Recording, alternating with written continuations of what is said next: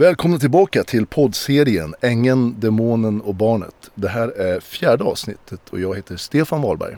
Jag heter Albin Wahlberg. Och jag heter Ove Lundqvist. Jag tänkte på förra avsnittet så pratade du om eh, de aborter som ni gjorde. Mm. Och vad, eller egentligen vi fick din sida på det. Men det är ju så här att jag har ju en sms-konversation här. För vi har ju sagt att vi ska ta upp lite material här. Eh, sms-konversationer och ljudklipp framför allt. Så jag kommer läsa här ett stycke ur en sms-konversation mellan dig och Eva. Då skriver Eva till dig. När jag tänker på det så förstår jag hur mycket du litar på mig och det ger mig en trygg känsla. Det är också en stor del i det som motiverar, motiverar mig när livet känns tungt. Du vet också om mina tankar om Daniel och jag kämpar med motivationen i vårt förhållande. Då svarar Stefan. Du vet att jag gör allt för att göra tillvaron lättare för dig när det känns tungt.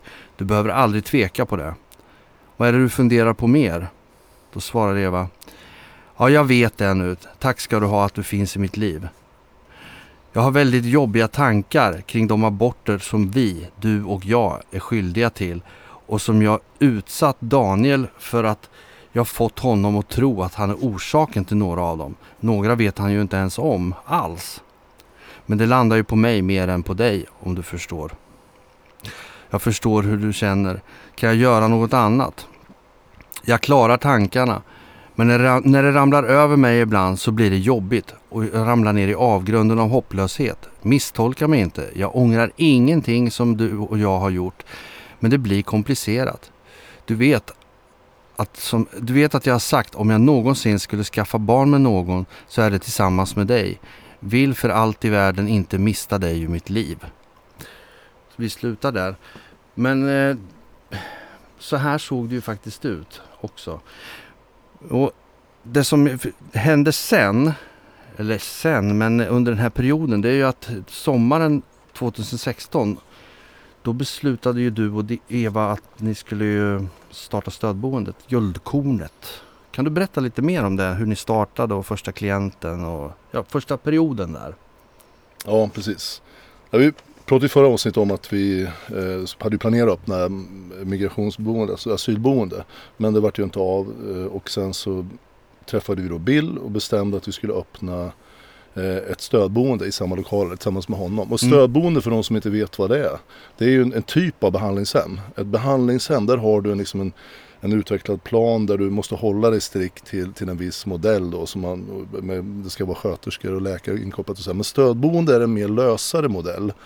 Eh, som man kan egentligen, enkelt förklarat, kan man forma den lite som man vill själv. Mm. Eh, du, kör, du har någonstans någon lokal, du har personal och du har en idé om vilka du vill då hjälpa. Och sen tar du kontakt med socialtjänsten och säger att det här har vi. Och, och sen förhoppningsvis då tycker socialtjänsten det här låter jättebra. Mm. Vi har några som behöver hjälp på det här sättet och vi vill prova er. Och sen så är, liksom är det väldigt det är väldigt fritt hur man gör. Det kan vara allt ifrån man kan behandla både, det är skyddsboende, man kan ha eh, för missbruk och så här. Vi bestämde oss ju då att starta ett eh, boende för missbruk och med kombination med diagnoser eller dubbeldiagnoser för människor, killar och tjejer som är 21 och över det.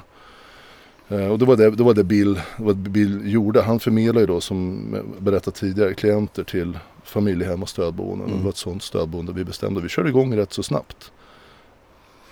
Vi startade i, vill jag minnas, i mitten av juli. Vi träffade honom bara någon, några veckor innan mm. och bestämde att vi skulle köra och det, vi klickade då eh, som jag berättat och eh, vi fick första klienten och sen drog ju, vad ska jag säga lite eh, lite enkelt. Sen drog Cirkus Guldkornet igång på okay. många sätt. Eh, och det började ju med att det var, det blir väldigt intensivt. Man börjar ju från scratch och sen får man ta emot klienter då som behöver hjälp men som har ett missbruk. De kommer ofta kanske, ibland kommer de dit och, och drogen har inte gått ur. De kan komma och ha psykos, de kan vara på olika sätt komma ut ifrån fängelsedomar och så vidare. Så man, de är väldigt sköra och väldigt, väldigt um, all over the place. Att, man vet man, inte man, vad man har att förvänta sig. Nej, du måste förvänta dig precis vad som helst. Ja. Och det vart väldigt snabbt så att vi hittade liksom rollerna. Att jag, för jag ville inte att Eva skulle vara själv med klienterna för jag såg inte det som en, en liksom optimal lösning. Det finns en uppenbar fara. Ja, precis. Alltså det, människor som är i psykos, de gör ju saker som de inte mm. har någon aning om ibland. Och så. Det, det, finns en fara i det. Så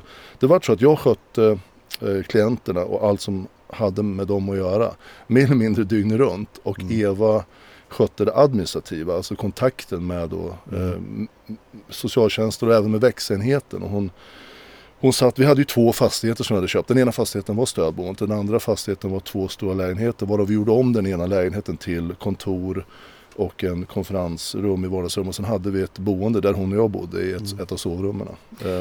Men hann ni träffas och prata någonting under tiden? Alltså när ni arbetade, för det verkar som ni, ni hade helt två olika roller. Ja. Hur gick det att brygga det där på något bra sätt? Ja, eh, jo men det gjorde det hjälpligt. Men vi märkte väldigt snabbt att den kontakten vi var normal, alltså vana vid att ha mm. normalt sett, den, eh, den försvann kan man säga. Så vi fick ju ta de stunder som, och sen ofta så, och det här började vi prata om rätt så snabbt. Ofta när, när allt, när dagen var slut och klienterna kanske hade gått och lagt sig och sådär, man kunde gå och lägga sig själv.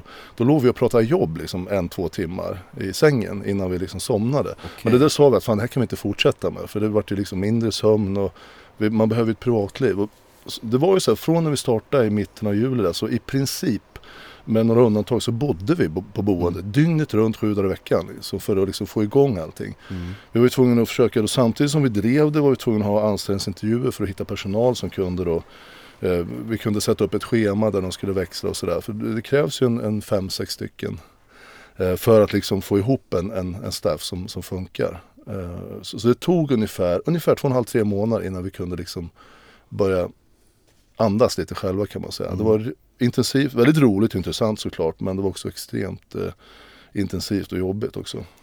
Mm.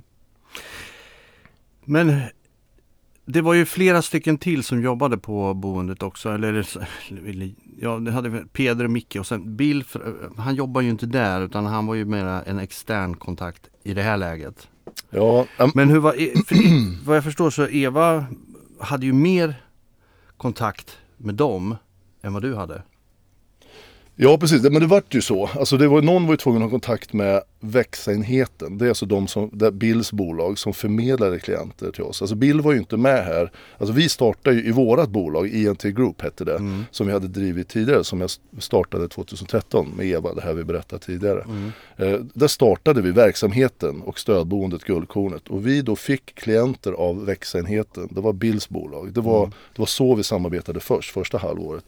Och i hans bolag fanns det då en kille som hette bland annat Peder Dam. Um, en kille som är behandlingsansvarig för alla klienter som växenheten är ansvarig för. Det är alla klienter som de har på sina stödboenden och sina familjehem. Mm. Uh, och sen fanns det en annan kille som var lite av Bill Engmans högra hand. Uh, Mikael um, Svanberg heter han. Han jobbade också som um, kontakt och liksom värvade kunder kan man säga. Åkte runt i socialtjänsten. Mm. Uh, han Mikael Svanberg, Peder Dam och Bill Engman hjälptes förlåt kan man säga. Hade kontakten åt växenheten för att eh, ordna kunder till växenheten som de sen placerar ut bland annat till oss. Då. Bara för att klargöra för mig också. Så här.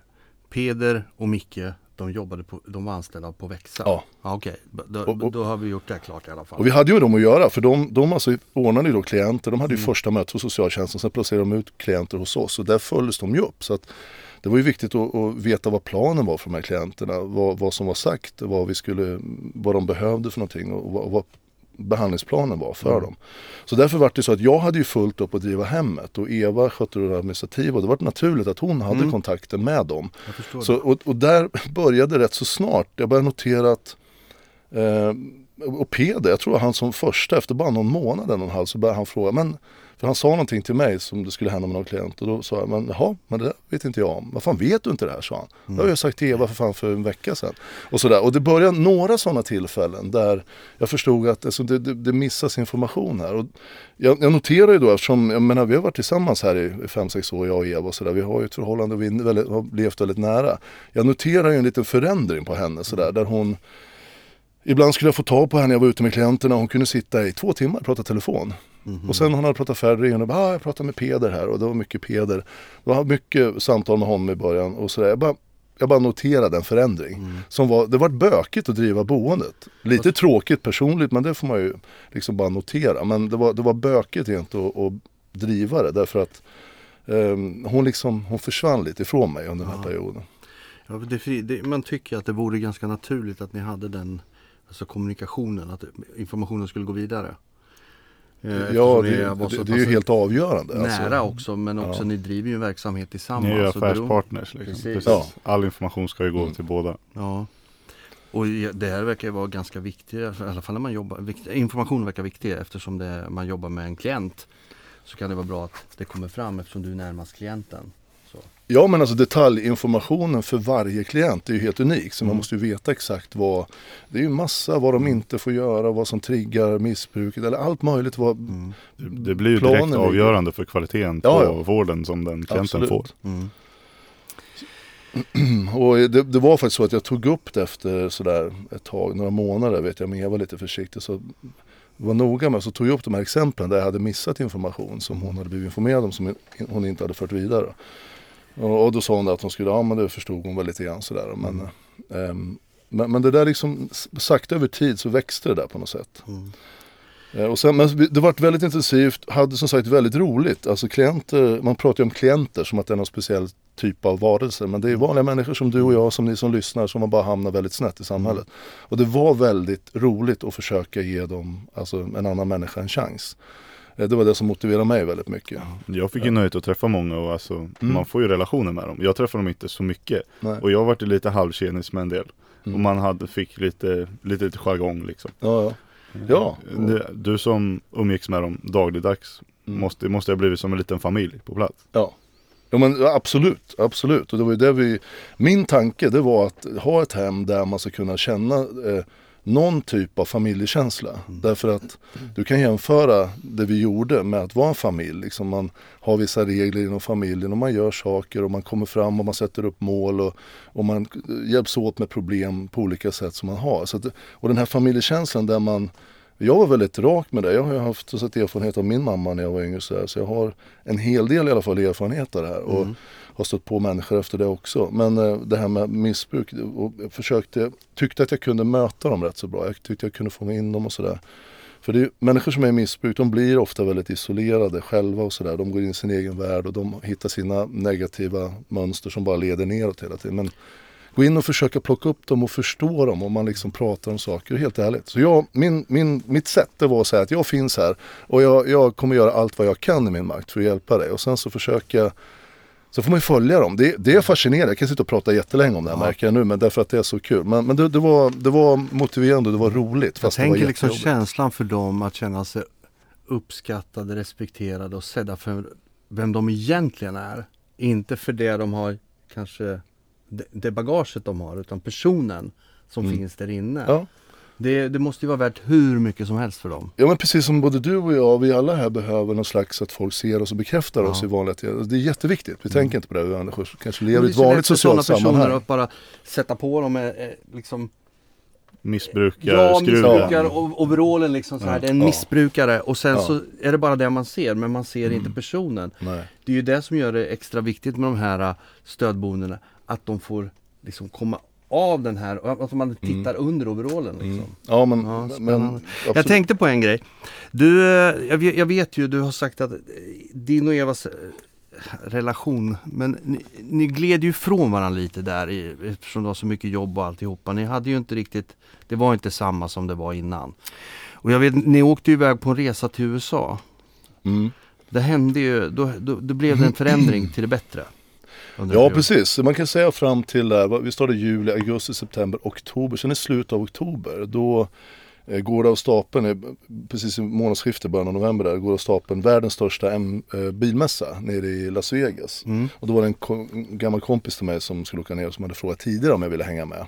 Och naturligtvis så hade jag frågat Eva innan hon ville gärna följa med. Så den här var bestämd redan innan vi, bok, äh, innan vi började med stödboendet. Och då målet var att kunna sätta personal och kände vi att det var tryggt och att det funkade då sa vi då åker vi. Liksom, för det skulle vara rätt så skönt att andas lite igen. Mm. Så det gjorde vi i alla fall.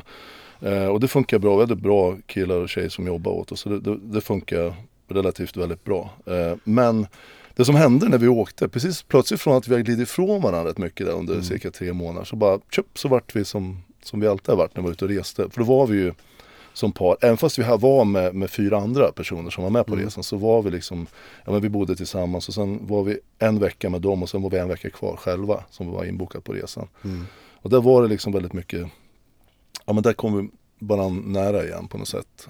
Men, och det jag inte visste då, det var att hon hade, Eva hade inlett ytterligare ett förhållande bakom ryggen. eh, eh, Som kom fram, det, berättar, det här berättar hon senare men det kommer jag berätta kanske mer om när det hände, så var under, under 2017 när vi hade ett långt samtal. Men Ja, men ska vi spara den? det, kan- det kan Ja, vi vi göra. gör det. det. kan vi göra. Så, men, men hur som helst, det var jättebra, jätteskön resa. Det var otroligt skönt. Och kunde ladda batterierna efter all den här insatsen vi hade gjort för att starta upp boendet. Mm. Och sen när vi kom hem igen så satte vi igång igen och jobbade precis som vi gjorde. Eh, Det var i full fart. Ehm, och då, då var det rätt så bra kan man säga november, december där sen när vi kom hem. Men jag märkte att hon, hon, hon fortsatte ju prata väldigt mycket med, med Peder. Mm. Eh, och han pratar ju med mig också. Han eh, pratar mer och längre med Eva men vi pratar också. Han pratar ju annorlunda med mig förstod jag. Eh, och framförallt när vi kom hem, jag märkte det här strax innan vi åkte på resan men han Peder Dam, han jobbar alltså som eh, behandlingsansvarig på växtenheten och han är ju, många som träffar honom tror, han, han uppträder väldigt lugnt, sansat, klokt sådär. Man får ett väldigt bra intryck men plötsligt så börjar han visa för mig en väldigt grabbig sida. Eh, där han, liksom, jag noterar bara efter, liksom, det är precis som att det bara poff, han kände sig väldigt bekväm med mig, vi bara lär känna varandra. Bara helt, helt jävla tjejgalen. Alltså han, han kunde ringa vet du, och, och liksom inte fråga om något annat utan bara berätta om någon tjej han hade träffat på, också om det var någon socialtant eller om det var någon, någon eh, kvinna på någon familjehem i Strängnäs vart han är fullständigt förälskad i. Alltså helt galet. Så han, han gjorde så att han betygsatte alla kvinnor i princip som han dök Okej. på. Och då kunde de vara alltså eh, för tjocka eller knullbara eller, ja det var något olika, han hade olika liksom, eh, alltså det, och det låter jättekonstigt, jag vet det, men och jag har varit jättepaff för jag hade fått ett helt annat intryck av honom första liksom tiden. Lugn och pratar väldigt lugnt och förtroendegivande och så här, och klär sig snyggt och, och allt du kan förvänta dig av en lugn, trygg familjefar, för han har ju familj så här, men fullkomligt jävla tjejgalen. Eh, och så berättade ju om han hade, eh, började berätta om att han, han ville ha en natt hemifrån ibland. I, I Sunne vet jag sov han mycket. Och han började berätta historier som jag nästan inte ville höra på. Hur han liksom, ja men det, det är bara fullkomligt, jag kan inte förklara på något annat sätt än fullkomligt tjejfixerad. Och Okej. det jag också fick se nu, efter vi hade kommit hem från resan. När vi satt och pratade någon dag, jag och Eva. Jag var inne ibland på kontoret, eh, hon satt i andra huset, jag gick in dit och vi stämde av vad vi skulle göra med kunder och sådär, eller med klienter. Då bara får hon ett, då ligger telefon och det var bara en slump att jag såg det på, på bordet och då hoppar upp ett, från, att det är från Peder Dam då. Och då är det bara hjärtan, så här, röda hjärtan. Jag bara, vad fan skickar man det till en arbetskollega? Jag bara, och Eva, och hon ser det där och, och ser att jag ser och tar undan telefon och blir lite rödblommig så här. Jaha, så fan skickar jag hjärtan? Åh, hon visste inte hur hon skulle förklara sig. Och jag bara, okej, jag noterar. Vad fan ska jag göra Ja. annat? Men, men liksom de hade nog en, en, eh, eller ja, det fick jag reda på senare. De hade en liten mer kontakt än bara som arbetskollegor. Men eh, vad vill jag säga med det? Ja, alltså det, det här kommer man att se även när jag berättar om Micke som kommer in lite senare. Bill har ju en förmåga att omge sig med speciella personer. Mm. Det är så jag ser det nu. Det blir väldigt tydligt. Vi kommer ju ta upp det där lite längre fram Ja. med det här hur den här typen av personer bygger en armé runt omkring sig. Ja, precis. Jag tänkte på en annan grej, för det, det hände ju lite tragiska grejer när ni kom hem sen, din Ja. pappa. Det hade ju hängt i luften ett tag innan, som, Mm. han hade ju cancer. Det är rätt. Vi fick reda på i påsk eh, 2016 att han hade cancer. Då hade det en så här rätt elakartad lungcancer utan att gå in på för mycket detaljer med det. Men han kämpade som fan med det och jag, samtidigt som vi drev boendet här från juli då, 16 under hösten där fram till när han gick bort första december så var jag hos honom på Eskilstuna lasarett sista månaderna och hjälpte honom med alternativ behandling och så där. Så jag gjorde allt vad jag kunde på dagen för att kunna säkra upp boendet. Eva kunde gå och lägga sig på kvällen. Då åkte jag iväg på kvällen till honom, 10 mil till Eskilstuna och var med honom några timmar. Sen åkte tillbaka. Så jag kom hem på natten där. Och det höll jag på med fram till han gick bort här första december och vi kämpade som fan. Och, eh, eh, jag kan passa på att skjuta in det. Alltså, en av de an- grundanledningarna till att jag beslutat mig för att lägga ner det här jobbet som vi gör. Mm. Eh, jag är glad att vi gör det här tillsammans. Men det är faktiskt för att jag, eh, han, när han fick cancer så så det första man gör kanske man hör det är att försöka, vad kan jag göra någonting? Mm. Så jag började ringa runt som en galning och bara googla som en stolle och fick reda på ett av de absolut bästa cancerhemmen. Jag tror de heter ISEL. Nere i, de är baserade nere i Kalifornien tror jag. De har kliniker i Europa och i Mexiko.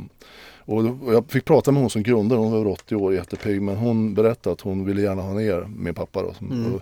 Men grejen är att jag hade gått in med så mycket pengar. Hade, vi hade ju satsat allt vi hade i det här boendet och starta det. Mm. Eh, Så jag kunde inte skicka ner honom. Det kostar ungefär 100 000 då i alla fall i, i veckan. Men då får de alltså en behandling där det kommer dit hopplösa fall nästan uteslutande. 80% eller 82% är det någonting. Det var en oberoende som har, som har, som har mätt under ett år. Som 82% av de som är där blir bra på något sätt. Och vissa av dem, en hel del, kommer tillbaka så de kan leva helt normalt. Okej. Från obotlig cancer. Så jag kände, jag skickar dit honom. Men jag hade inte riktigt pengarna Nej. till det då. Och jag hann liksom inte göra det för pengarna vi börjar ju se vinst på boendet här kanske runt nyår kan man säga och sen 17 då börjar liksom då börjar vi komma på plus. Fast Men- det är svårt att beräkna att man ska det. få eh, sån eh, turnover på så kort tid. Det går inte. Nej, nej abso- absolut. Det tar ju ett antal, jag vill säga det tar ett halvår innan du Ja. kan räkna med att det, vi startade ju helt utan lån och sådär. Vi gick in helt, vi köpte fastigheter, vi betalade Mm. personalkostnader och allt som är. Jo, är Innan då fakturorna kan börja komma in sådär så småningom. Men, Men eh, sen får man ändå ge det, att det är ju en verksamhet som är ganska förhållandevis lätt att räkna på. ja, Det finns klienter som behöver vård. Erbjuder man ett bra boende, då kommer man få klienter. Mm. Och kommunen betalar. mm. Det, är ju förhållandevis säkert. Ja, Alltså jo, för men, ja, men så är det. Och det var därför vi satsade så helhjärtat på det. Mm. Vi satsade bokstavligen allt vi hade därför att vi visste att det här kommer bli bra. Mm. Och dessutom, vilket jag trodde, så visade det sig att det var väldigt intressant också att kunna försöka hjälpa någon Mm. på riktigt allvar som är, har ramlat ner. Men, men eh, det som skulle utarta sig sen, utveckla sig sen, eh, och det vet ni redan att det har blivit eh, Bill och Eva så småningom kuppade ju bort mig från allt jag äger och har. Mm. Och därför så känner jag det att när jag inte kunde göra det här för, för, för min pappa då som eh, såklart eh, har stöttat mig hela livet. Han har Mm. varit den som har stått där och jag inte kunde göra det här. Och sen dessutom det här hände så kände jag Nej, men eh, nu, jag, jag gör det här, jag berättar den här historien för er. Men det, det, det här är en sån sak som jag inte kan liksom släppa på något sätt bara. Nej. Även fast inte, jag går inte att tänka på det här varje dag. Men det blir sådana ytterligheter som sagt. När man går in med allt man äger, har ens pappa är sjuk och man vill. Man ser en, en, en tydlig plan hur man kan hjälpa honom. Ja, som om inte det här vore nog så var det ju en annan i din omedelbara närhet där som tyvärr körde ihjäl sig. Ja, det stämmer. Det var riktigt, det var några dagar som var riktigt, riktigt, riktigt tunga där. Det var ju, vi, vi lärde ju känna, eh, som Bill kallade sin bästa vän. Mm. Magnus, han, han drev Villa Dammgatan i Fjugesta. En av de absolut trevligaste, varmaste, bästa människor jag någonsin har träffat. Man, man, man träffar honom, man känner efter några sekunder bara. Vad är det med den här? Alltså han är, han är snäll, ödmjuk, respektfull, bara full av kärlek. Det är det sättet jag kan förklara honom. Mm. Men vi träffades också då samtidigt som i samma veva som vi startade boendet. Och vi, kom, vi hittade varandra väldigt snabbt. Både jag och han och Eva tillsammans. Så vi efter bara några månader pratade vi om att vi skulle öppna boenden tillsammans. Mm. Därför att han var verkligen eh, en sån kille man ville göra det med. Men han körde ihjäl sig den 3 december. Eh, fruktansvärt Ja. tragiskt. Eh, till.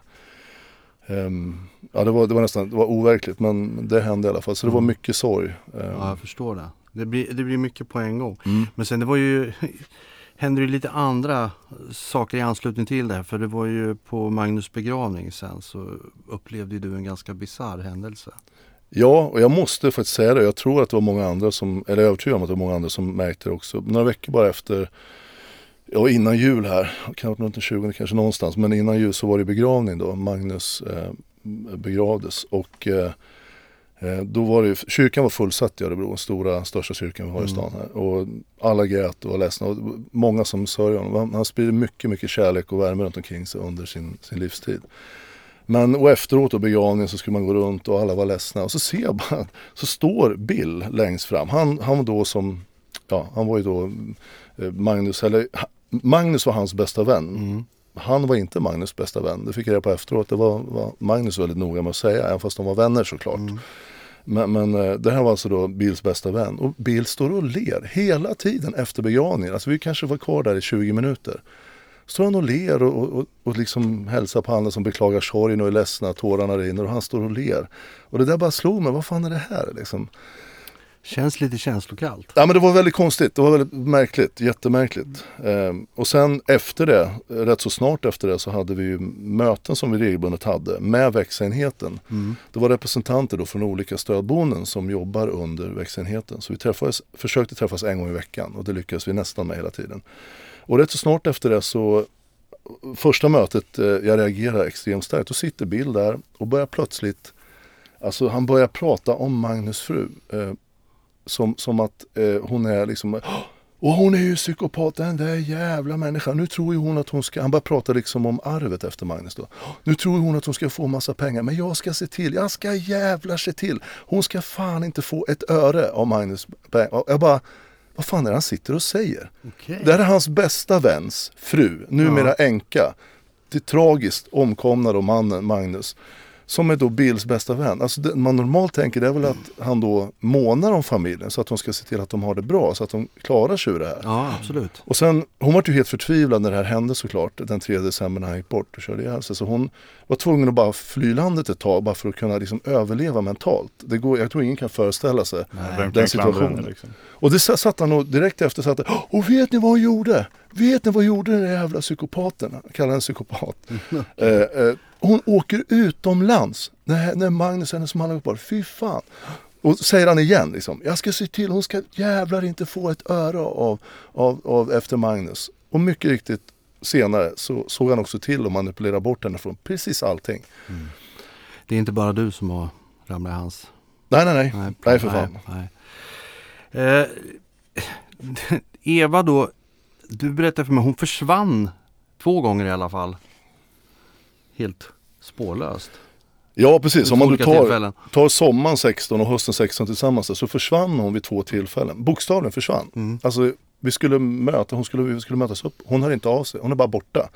Alltså hon är borta i, tror jag, 8-10 timmar innan hon skriver bara, jag är okej. Och då har alltså jag och hennes fortfarande då sambo som hon bodde tillsammans med letat henne så- efter, efter henne som galningar liksom och försökt åkt runt och letat. Vi har skickat sms, vi har ringt runt och kollat vart hon är någonstans. Det här skedde två gånger. Mm. Alltså från en blixt från klar himmel så bara försvinner hon. Eh, jättemärkligt och kommer tillbaka dagen efter och vill inte prata om vart hon har varit eller någonting. Och det här berättade hon långt senare, typ nästan ett år senare, vad hon hade gjort.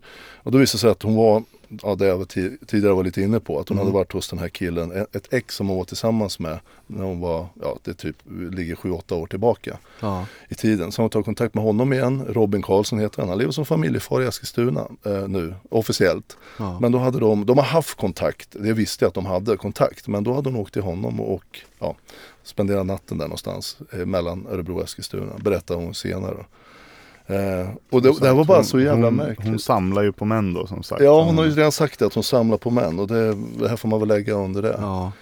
Vilken grej. Eh, Ja, eh, och det- det var ju lite sådär. Det, men just när det hände så var det så jävla märkligt. Alltså bara försvinna utan att ens säga jag kommer vara upptagen nu till imorgon eller något sånt där. Utan hon bara bokstavligen bara försvinner.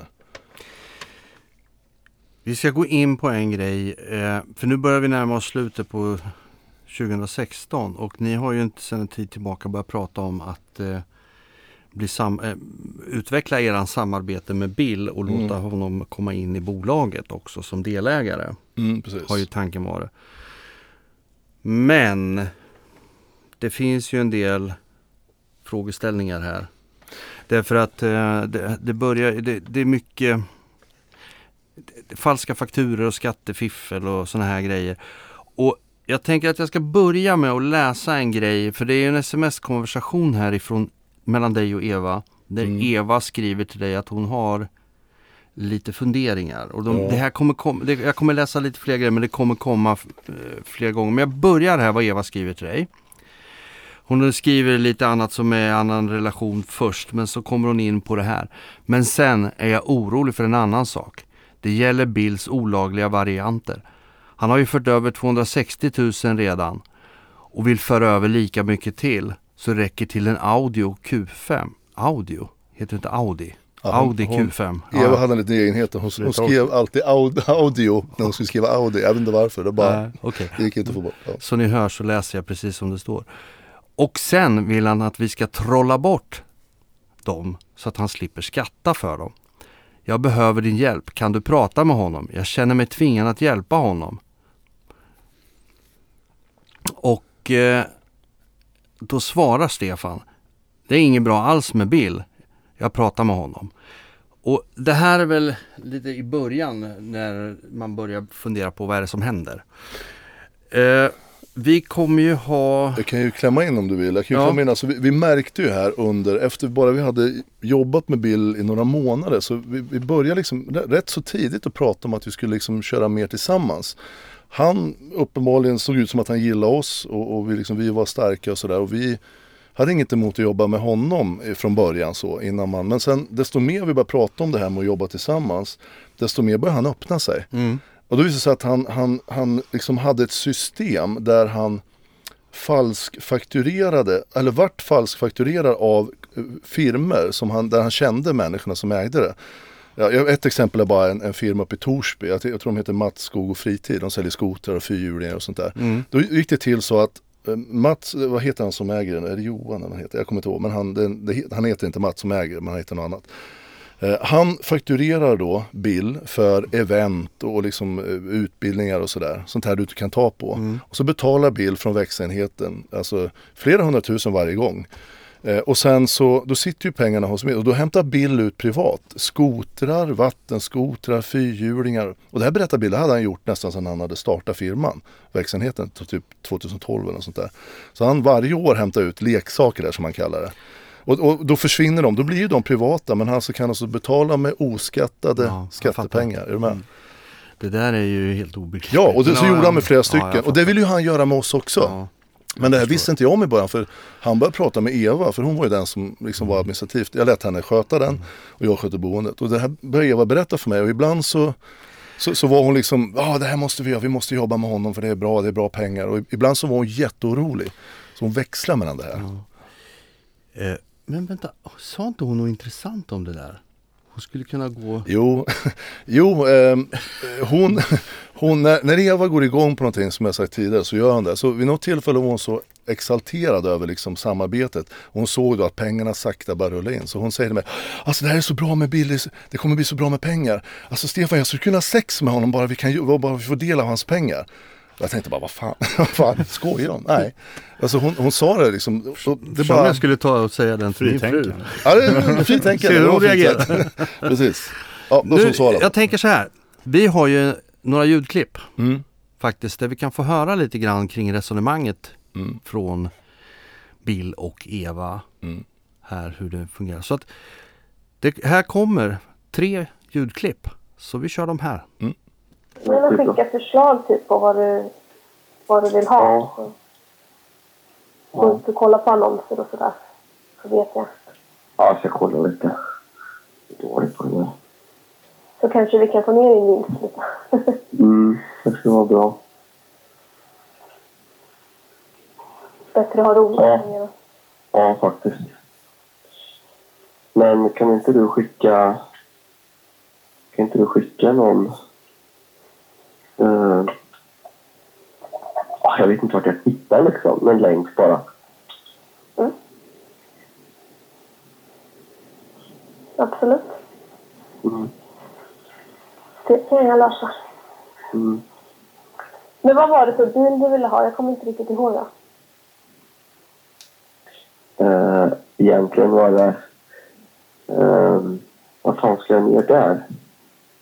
Nej, Ja, jag håller på att åka fel här. Det är den här... Ja. Något slag då. Ja. Eh, du sa att den är från Italien då? Eh, jag, kom, jag kommer inte ihåg vad det var för bilmärke vi pratade om faktiskt. Om jag ska vara riktigt ärlig. Eh, Var det en Q3 du ville ha? Var det det? nej, nej. Q5, den nya, den kommer nu den. September. Eh, eller Q7 då, den nya. Ehm, ja, någon av de, de, nya, eller de nya. Eller den BLX5, den nya också. Mm. M-serien. Mm. BMW kan man i Tyskland. Ja. Och sen... Eh, eller den här Range Rover Sport är också fin liksom. Den... Eh, bara någon fin bil. Mm. Men jag tror att jag spar kanske pengarna och, så kör jag på bil istället. Så jag tror jag fan med. Så jag ska prata med honom och kanske göra en faktura till den. Mm. Så jag fick väl ut 260 nu vad har jag som ligger tror jag Eva skickar på. Och får man kanske 260 till då, då har man ju... Ja visst, då är det... Beroende på hur du Precis. Ja. Vad tänker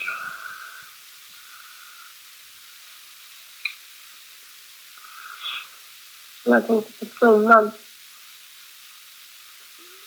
Mm. På den sista fakturan till bil. Som ska lägga. Ja, den biten är jag inte ett dugg orolig över. Utan det är den andra biten som jag inte är så förtjust i. Mm, jag håller med. Och det Jag måste ju... det är jag som liksom står som the bad guy. Det är liksom ingen utav er. Mm. Ja, det var ju de ljudklippen där eh, som ger lite indikation på hur det är. Men jag tänkte jag ska, innan vi går vidare med det här så ska jag läsa upp ett sms till, ganska kort.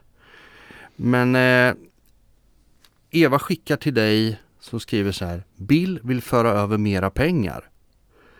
Han vill föra över en miljon vidare till Hongkong. Gärna mer. Vad tycker du? Då svarar Stefan. Hm, känns inget bra. Jag tror att vi får hejda Bill lite grann. Eh, det är ju rätt mycket pengar det handlar om. Ja, alltså grejen är när vi börjar närma oss nyår där i 16, då, då berättade han för mig, jag säger bara ordagrant vad han sa, han hade ungefär 8 miljoner som han var tvungen, säger han, att få bort från skatt. Ja. Jaha, okej, varför just den summan vet jag inte, men han sa det, 8 miljoner, hur, hur, mycket kan, hur, hur mycket kan jag liksom eh, föra över till er så ni kan liksom få bort? Jag bara, alltså jag, jag vet inte, du får, du, får, du får spåna lite mer, jag ville inte riktigt ta i det där, men han pratar väldigt mycket med Eva. Och det här är ju ett sånt, eh, då vill han väl föra över att hon skulle ta hand om en miljon där. Men jag vet inte, det blir ju, för mig blir det väldigt märkligt, naivt och väldigt farligt också. Jag vill inte hålla på med skattefusk. Men liksom, ger man sig in i något sånt här, vilket Eva delvis i alla fall var intresserad av, så du begår ju allvarliga brott för fan. Du, du kan ju inte... Gränsen för grovt, om det är skattefusk eller skattebrott, jag vet inte vad rubriceringen är, men gränsen för, där det går från normalgraden till grovt är ju 10 basbelopp. Och då pratar vi 445 000 typ, Ja. eller vad är ett basbelopp uppe i nu? Då Ja, kan, jag man, kan man ju nämna det. Eh, Det är två till sex års fängelse. Ja, man kan ju nämna det. Att då, jag tror att, att vi hejdade honom lite grann och Eva kunde hejda honom lite grann, även fast hon också uppmuntrade honom. Men eh, så han förde över 700, jag tror det var ungefär 740-750 000 Mm. innan nyår. Som, som, som bara, han liksom bara, och Eva hade tydligen skickat fakturorna. Så jag bara, men vad fan, vad fan ska vi göra med det här liksom? Det här är ju mer eller mindre katastrof. Det här är ju allvarligt för fan. Jag tror, jag tror vi hade en kon- konversation där vi, där vi skriver om det. Det är ju höga Ja. fängelsestraff och det, så här får man ju inte göra liksom. Men det slutar med att Eva sitter och eh, ska, skriver falska fakturer till ett påhittat kinesiskt bolag. Eh, där då hon ska föra över till ett konto som, som vi hade tillgång till eller som, som Eva kunde föra över till i Kina. Så det är, det är ju så jävla, det är så fult det kan bli. Eh, och jag, jag, jag fattar inte eh, hur någon vågar. Hur vågar Bill liksom riskera? Han, han, går, det, han har ju ett framgångsrikt företag som går bra. Är man inte nöjd med det tänker jag. Och det, det, var, det var jävligt jobbigt. Sen, samtidigt så var jag jävligt involverad i boendet. Jag hade tokfulla dagar hela tiden. Så jag liksom kunde inte riktigt engagera mig så, där, så mycket som jag skulle vilja i det. Men det tog liksom fart. Eva och Bill tog fart utan att kunde liksom hejda det. Sen ville man inte, jag ville inte göra mig osams med Bill heller. Han var ju den som försåg oss med klienter. för jag jo, förstod förstår. att han var det är känslig. Lite Det dilemmasituation. blir Ja. balansgång. Ja, precis. Jag tänkte på att det var ju också det här att det var inte bara det som var lite knepigt. Det var ju, du har nämnt det här tidigare, det här med hur man betalar av knarkskulder för klienter. Ja. För att då kunna ja, ha kvar dem på, på stödboendet. Mm. Så, så att de inte sticker iväg i ren panik. Och eh, där, eh, du kan väl ta det lite mer, men vi ska spela upp ett ljudklipp där Ja. Nej men det, det Bill resonerar, han, jag tror att så här, Bill han såg praktiska bara lösningar på allting, oavsett om det var lagligt eller inte. Mm. Så att det han berättade för mig, det var att när då klienter kom till Växa och var på något av de här stödboendena och familjehemmen så titt som tätt så hade de drogskulder. För alltså, de drar ju på sig Ja, drogskulder. jag. de drogar ju massor. Och det går bra ett tag, sen blir det skulder och sen så brakar de ihop och sen behöver de hjälp och sådär. Och titt som tätt så har de med sig skulderna. Och de då som, som är, de är skyldiga pengar, de är intresserade av att få tillbaka de här och, och kan då ibland ställa till problem och letar upp dem och sådär. Mm. Och då var det Bills lösning att då tyckte han att då, då betalar man av det. Han tar ut pengar så att det inte syndes eh, blir blir svart då och kallar det något annat i förut. De kallar det för klientutdrag och så här, i bokföringen. Men så kunde man betala kontant de här. Det kunde vara 5, 10, 20, 30 tusen med Mm. till olika. Och vi har ju både som sagt ett samtal här och även en sms-konversation Ja. tror jag. Ja.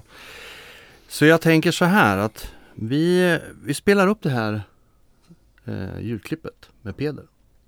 Så får du kommentera det efter. Involvera mig mer än vad jag behöver så men eh, Nej, och sen tycker jag, ja, och sen ska vi snacka med Micke också om det för att han har bra kontakter. eh, Han känner, det är alla, det är alla, det är alla, det är hans barndomskamrater till honom. okej. Både i, ja, i, i, i, alla fall i Värmlandstrakterna. Både så mycket. Vi eh, hjälpte en kille igår med lite skulder Mm. som, ja. Det är sällan, det är sällan det är eh, eller utan det är oftast eh, de vi har haft att göra med. Mm. Eh, och, eh, Ja, och då... eh, Det brukar liksom... Alltså... Det som brukar vara gångbart är att våra klienter är inte intressanta för dem längre. Okej. Ja, och eh, hur mycket... Om det, om det handlar om några tusenlappar så kommer vi betala den skulden. Bara, och sen liksom... Ja. De har andra saker att bry sig om. Så att, Ja, precis. Och här, här hör man ju hur Peder Dam då som är som sagt återigen jobbar som behandlingsansvarig på verksamheten och har ett väldigt stort ansvar för klienterna. Han är ju fullt medveten om det här och helt delaktig i det också. Och är behjälplig också. Han, det var ju Micke Svanberg i de flesta fallen som eh, gjorde själva över, alltså överlämnandet av pengarna. Ja, Ja. Men eh, de var ju alla medvetna om att det var så här de gjorde och grundmålet det var det var väl, ja men ska jag se det krasst så var det inte för att rädda klienten från problem utan det var för att kunna ha kvar klienten så att de kan eh, fakturera f- mer dagar så att klienten kunde vara kvar i lugn och ro. Och pengarna Alltså, det, där på. det här resulterar i då är ju att kommunen, statskassan, betalar ut pengar till en entreprenör som inte bara fuskar bort dem för att han vill ha dem själv utan han bara direkt vidare förmedlar kommunens pengar in i kriminella gäng Ja, som polisen Exakt. försöker motarbeta i andra änden. ja. Mm. Och det där Det är liksom, häftigt. min mage vred sig inte när, när jag liksom fick klart för mig. Men som sagt återigen, vi har- vi var ju relativt nystartade. Och, och innan vi liksom kunde möjligtvis då göra med någon annan taktik och hitta, hitta någon annan leverantör av klienter så, så var vi ju extremt beroende av bil. Så Ja. det var en jävla jobbig balansgång där ett tag. Jag tänkte vi skulle avrunda nu och jag ska ta och läsa ett eh, sms. För det här är ju faktiskt från 20 december. Det är ju i, precis bara veckor innan ni bestämmer er för att slå ihop er med, med Bill. Ja precis. Men då har Eva en hel del funderingar. Så jag tänker jag läser upp det. Så får, får vi avrunda sen. Då skriver Eva så här. Fundera på vad samarbetet med Bill skulle innebära för dig och mig. Bill har varit väldigt rak mot mig i de senaste samtalen vi haft. Eh, det har gjort mig lite orolig det han pratat om. Bill och några i växanheten har tydligen samröre med någon typ mc-gäng som man har några uppgörelser med. Micke Svanberg är också indragen i det, rätt mycket enligt Bill. Ehm, och har betalat pengar till dem. Tror det är i Karlstad. Och han nämner det som om det är något han vill skryta med lite. Micke är tydligen väldigt involverad i den här icke helt lagliga delen av Växa och sköter smutsjobben åt Bill. De har bland annat hjälpt klienter med skitiga drogskulder till gängen som, de, som Växa betalt åt dem. Då svarar Stefan. Låter inte så tryggt tycker jag.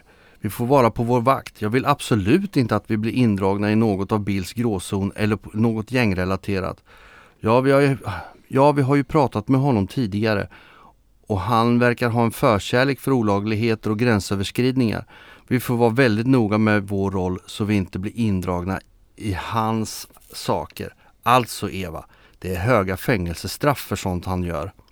Då svarar Eva, ja, han är väldigt vårdslös i hur han undviker skatt genom att snurra falska fakturer.